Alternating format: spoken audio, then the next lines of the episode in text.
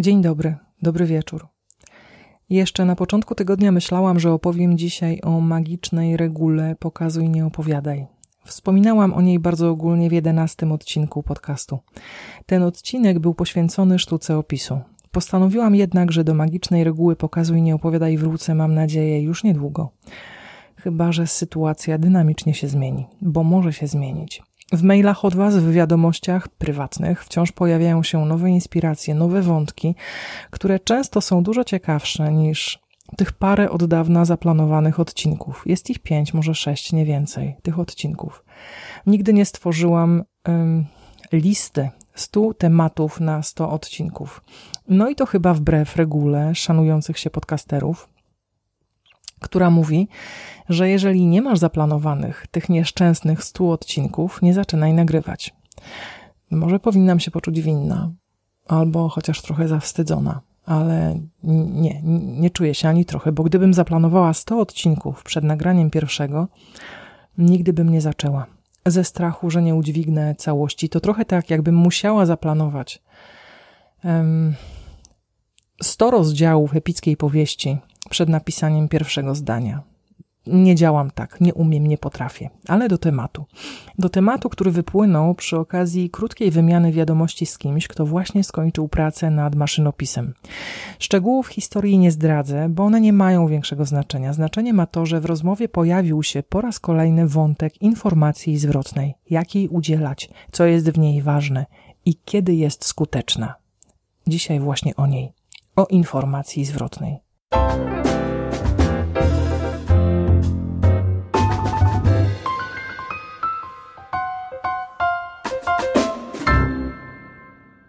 To naturalne, że pisarze i pisarki przed debiutem, motywowani z jednej strony niepewnością, czy to, co piszą, jest dobre, z drugiej strony potrzebą pewności, że to, co piszą, jest dobre, pragną informacji zwrotnej i szukają tak zwanych beta czytelników, czytelniczek. Chodzi o modelowych odbiorców, modelowe odbiorczynie, którzy, które wiedzą, jak czytać maszynopisy, na czym się koncentrować podczas ich lektury, na co zwracać uwagę, jak wreszcie poinformować o tym, co w tekście przede wszystkim nie działa, co nie jest dobre. Informacja zwrotna, właściwie każda, jest dla autora, autorki z całą pewnością trudna. Stresująca, Ważne, żeby była przede wszystkim rozwojowa, żeby inspirowała do pisania. O informacji zwrotnej mówiłam po raz pierwszy w odcinku 18, czyli całkiem niedawno, w innym jednak kontekście. W kontekście ego pisarzy i pisarek. Mówiłam, że każda informacja zwrotna wiąże się z lękiem przed oceną, ze strachem przed odrzuceniem. Mówiłam o tym, jak przyjmować lub właśnie odrzucać informację zwrotną. Dzisiaj o tym, jak jej udzielać. Wiem, że ogromną popularnością cieszą się w mediach społecznościowych grupy dla autorów, autorek przed debiutem. Dla aspirujących pisarzy, dla aspirujących pisarek, które właśnie w czeluściach internetu, w zakamarkach Facebooka szukają informacji zwrotnej, szukają feedbacku i czują tak wielką potrzebę feedbacku, że przedstawiają do oceny fragmenty swoich tekstów, a czasem całe teksty, zupełnie obcym czytelnikom, czytelniczkom. Ja mam tylko jedno pytanie – czy oddałbyś, czy oddałabyś swoje dziecko, ukochane dziecko, obcej osobie pod opiekę, obcej osobie z ulicy? I tacy pisarze, i takie pisarki mogą mieć szczęście, jeżeli trafią na kogoś, kto potrafi pracować z maszynopisem, ale też z emocjami, mogą mieć również pecha i e, otrzymać informację zwrotną, która zrani, upokorzy, zatrzyma w pisaniu. Jeżeli to możliwe, stwórz kreatywny krąg z ludźmi, czy też stwórz kreatywny krąg ludzi, którym ufasz, w których kompetencje wierzysz i nie tylko w kompetencje, ale również w intencje. Ponieważ w trudnej informacji zwrotnej może się kryć dużo więcej niż cierpkie słowa. Mogą się kryć zazdrość, zawiść, pogarda. Takiej informacji nie potrzebujesz, takiej informacji nie chcesz. Jeżeli zatem Udzielasz od czasu do czasu informacji zwrotnych aspirującym pisarzom i pisarkom, ten odcinek jest dla Ciebie. Wyobraź sobie zatem, że otrzymujesz maszynopis z prośbą o feedback. Najpierw przeczytaj cały tekst. Po prostu go przeczytaj. Powstrzymaj się przy pierwszej lekturze od komentarzy i uwag. Niczego nie zaznaczaj, niczego nie podkreślaj, po prostu płyń. Spróbuj, o ile to możliwe, przeżyć opowieść. Spróbuj ją poczuć, spróbuj jej doświadczyć, spróbuj być otwarty, otwarta. Ja osobiście w ten sposób zaczynam pracę z każdym tekstem. Sprawdzam, co czuję na poziomie emocji, co opowieść we mnie wywołuje, jakie uczucia, jakie skojarzenia, przyjemne czy bolesne, jak się czuję w tej opowieści, czy chcę poznać ciąg dalszy, czy też wręcz przeciwnie. I to jest też ten moment, pierwszy moment, w którym zaczynam szukać, nawet w kawałkach pozornie beznadziejnych, atutów, mocnych stron, ponieważ te słabe od razu wyłapuję. Te mocne muszę zapamiętać. Dalej. E, po pierwszej lekturze zacznij drugą. Przeczytaj tekst po raz kolejny i dopiero teraz podkreśl, co musisz podkreślić. Na marginesach skomentuj, co musisz skomentować. Osobiście w takich komentarzach najbardziej lubię zadawać pytania. I bardzo proste są to pytania, naprawdę. Moje trzy ulubione to z jakiego powodu, czy dobrze rozumiem i co by było gdyby. Zdarza mi się również zadawać takie pytania jak o co chodzi w tym zdaniu, o co chodzi w tej scenie, dlaczego on, ona tak się zachowuje. Polecam, zalecam, sugeruję pytania yy, na marginesach, pytania w komentarzach, ponieważ pytania nie dają gotowych odpowiedzi. Ich rola jest zupełnie inna. Są twórczym kopniakiem. Mają uruchomić kreatywność autora, autorki. Mają pobudzić ją jego do myślenia. Czasem jedno słowo w kilkuzdaniowej uwadze inspiruje do radykalnych zmian. Pamiętaj o pytaniach w komentarzach na marginesach. Będą Ci potrzebne już za chwilę. E, w recenzji pisemnej. Pisemna recenzja powinna liczyć stronę lub minimum dwie albo więcej, to zależy od ciebie. E, I powinna składać się z czterech zasadniczych części. Oto one. W pierwszej części, na początku, przede wszystkim podziękuj za zaufanie, za to, że mogłeś, mogłaś przeżyć przygodę podczas lektury maszynopisu. Nawet jeżeli była to przygoda trudna. Nawet jeżeli w podróży przez fabułę zmęczyłaś się, spociłeś się, przekląłeś, przeklełaś, miałaś wrażenie, miałeś wrażenie, że idziesz pod górę albo po kamieniach. Wdzięczność jest obowiązkowym elementem recenzji. Zawsze. I ja wiem, że to jest oczywiste i wiem, że ty o tym wiesz, ale przypominam dla porządku.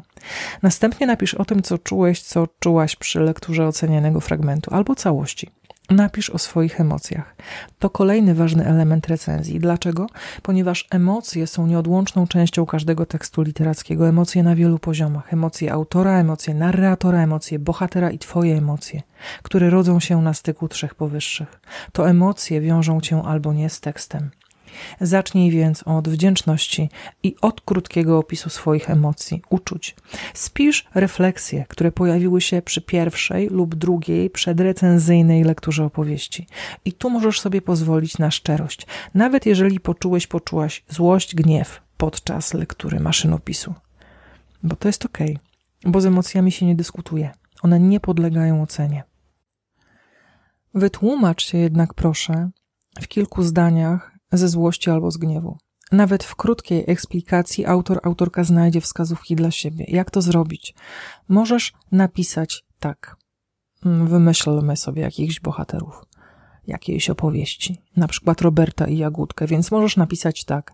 Czułam złość w momencie, w którym Jagódka rezygnuje z rozstania z Robertem. Nie wiem, dlaczego to robi, skoro Robert to damski bokser. Nie rozumiem jej motywacji, nie potrafię jej współczuć. Czułam się zła i zagubiona w tym fragmencie.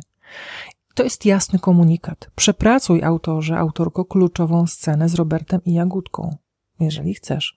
Bo to, czy autor, autorka posłucha Twoich sugestii, czy cokolwiek z nimi zrobi, to jakby nie jest już Twój problem.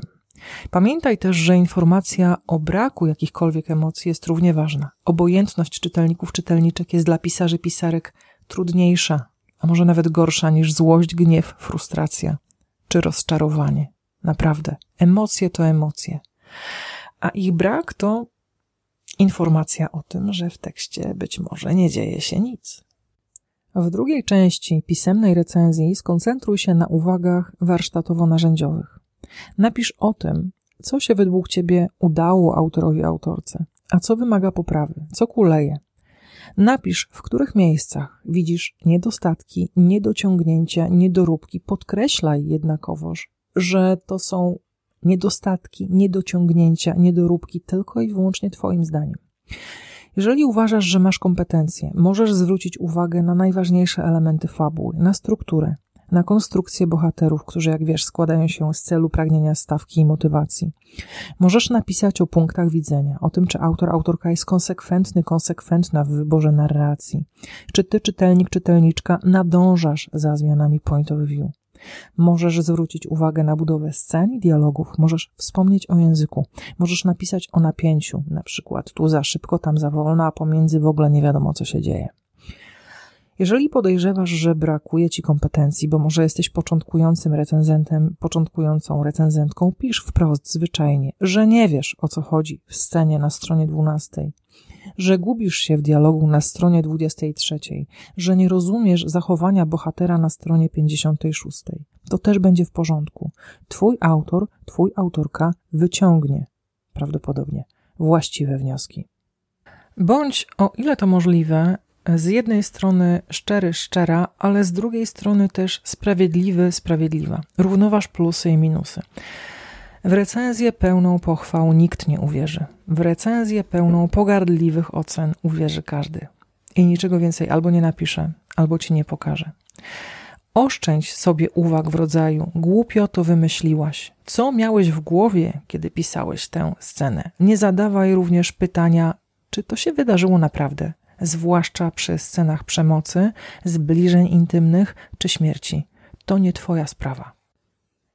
Jeżeli możesz, wyeksponuj w zakończeniu drugiej części pisemnej recenzji plusy.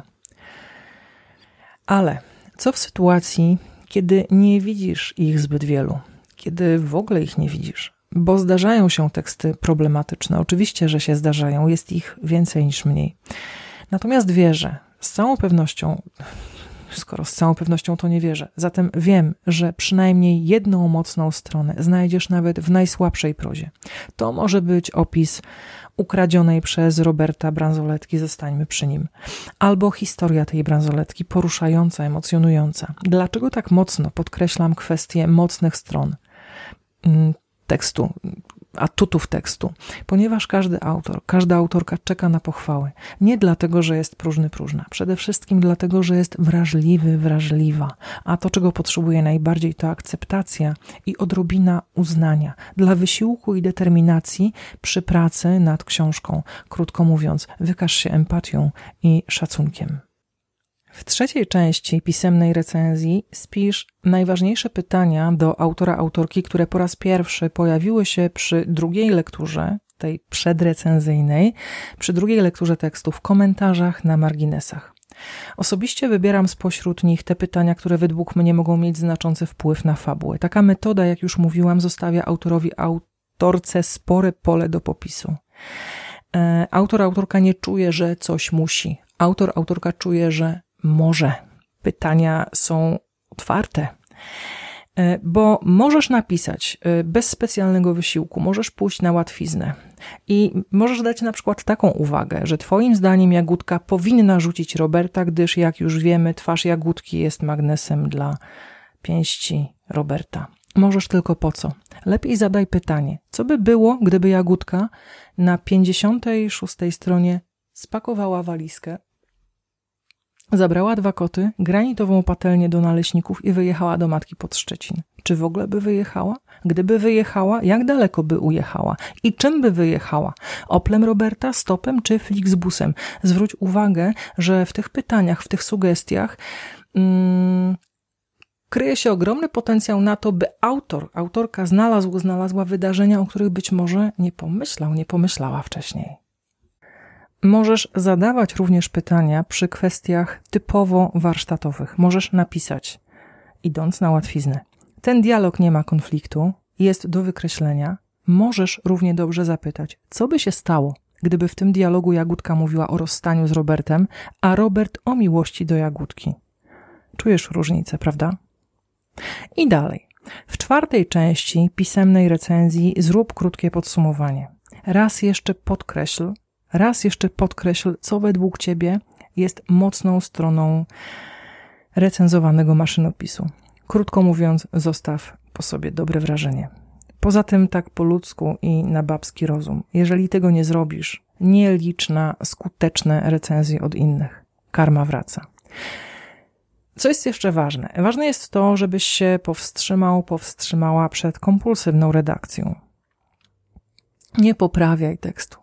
Nie wytykaj błędów ortograficznych. To nie jest Twoja rola. Możesz oczywiście zaznaczyć tu i tam, ale nie redaguj, bo, bo, bo nie o to chodzi. Ciebie powinna interesować treść i warsztat autora, autorki, chyba że masz wielką ochotę na to, by zrobić kilka poprawek albo więcej niż kilka, ale wtedy poproś o zgodę autora, autorkę. Upewnij się, że możesz grzebać w tekście.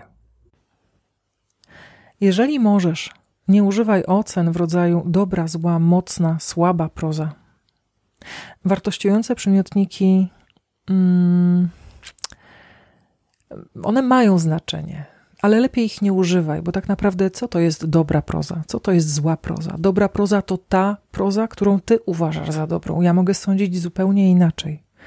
Załóż, po prostu załóż, że fikcja literacka jest realizacją osobistego doświadczenia świata, ludzi, wydarzeń przez autora lub autorkę. A jeżeli poczynisz takie założenie, to informacja zwrotna będzie krótką historią, krótką opowieścią o Twoim osobistym doświadczeniu takiej lektury. Niczym więcej. Więc pisz przede wszystkim o tym, co czujesz. Zadawaj konstruktywne pytania. Nawet, nawet w tej części narzędziowej, w tej części warsztatowej. Koncentruj się na tym, co możesz z tekstu wycisnąć ty, a za tobą zaraz autor, autorka, a nie w jaki sposób ten tekst docisnąć, a przy okazji autora i autorkę. Podsumujmy zatem. Informacja zwrotna powinna składać się z dwóch czytań poprzedzających właściwą recenzję oraz z recenzji właściwej, pisemnej, która składa się z czterech części. W części pierwszej powinno znaleźć się podziękowanie, krótki opis wrażeń, uczuć, emocji towarzyszących Twojej lekturze. W części drugiej yy, możesz napisać to, co według Ciebie działa lub nie działa w recenzowanym maszynopisie. To jest ta część, to jest ta część, w której koncentrujesz się na warsztatowych i narzędziowych aspektach, elementach fabuły.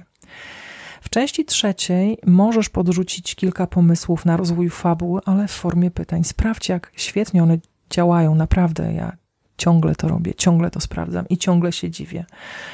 I w części czwartej mm, podsumuj i powtórnie to, co napisałeś, napisałaś wcześniej, podsumuj i powtórnie podkreśl to, co według ciebie działa w maszynopisie najlepiej. E, autor, autorka bardzo tego potrzebuje. I teraz bardzo krótko o tym, czego autor, autorka nie potrzebuje. Zastanawiałam się, czy o tym powiedzieć, ale bo nie byłam pewna, ale jednak powiem.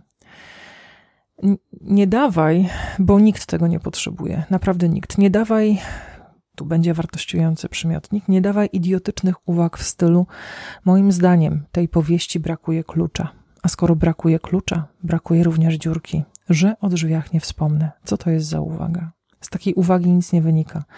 Wyobraź sobie, że recenzujesz dobrą powieść komercyjną, kawał porządnej literatury popularnej, która przede wszystkim bawi. Bo taka jest jej funkcja. W tobie jednak z jakiegoś powodu, którego wcale nie chcę poznać, uruchamia się wewnętrzny polonista i piszesz w recenzji, że brakuje ci artystycznych naddatków, intelektualnych nadwyżek, intertekstualnej głębi. W powieści komercyjnej naprawdę zejdź na właściwą półkę. W prozie artystycznej, tak dla odmiany, nie szukaj konfliktów rodem z kryminałów mroza. Mm nie musisz się chwalić swoimi kompetencjami, oczytaniem, znajomością trudnych słów, zdolnościami meta oraz intertekstualnymi. Nie musisz podkreślać swoich unikalnych umiejętności. Nie musisz porównywać prozy aspirującej pisarki, a niechże się nazywa Marysia Kuska, która właśnie popełniła prowincjonalny romans pod tytułem Druga żona pierwszego męża. Nie musisz porównywać tej książki z nudą Alberta Morawi, tylko dlatego, że Morawię kochasz, cenisz, szanujesz. Więc nie rób tego, chyba że musisz. Ale w takim układzie wystawiasz recenzję sobie, a nie prozie Marysi Kuski. Pamiętaj, że w dobrym feedbacku nigdy nie chodzi o ciebie. Nigdy. Weź z tego, co mówię, to, co naprawdę czujesz, że może zadziałać. E, sprawdź, czy w ogóle działa. Moim zdaniem działa, sprawdziłam to. Osobiście bardzo się cieszę, że czytacie siebie nawzajem, że łączy Was miłość do słowa, do literatury i jednak jakieś zaufanie, takie mam wrażenie, bo ono jest kluczowe w takich sytuacjach. Więc piszcie, obdarzajcie siebie dobrą krytyką i dobrymi recenzjami. I już się wstydzę, bo co właśnie zrobiłam? Użyłam wartościujących określeń, takich jak dobra krytyka i dobra recenzja. Człowiek jednak skomplikowany jest naprawdę. Tyle teorii na dzisiaj, właściwie sprawdzonej praktyki. Na zakończenie wspomnę tylko, że do końca przyszłego tygodnia trwa rekrutacja do studium kreatywnego pisania w Kolegium Civitas w Warszawie. Zapraszam serdecznie, bo jest to moja zdecydowanie ostatnia edycja w tym studium. I to już naprawdę wszystko. Do usłyszenia. Do widzenia. Dobranoc.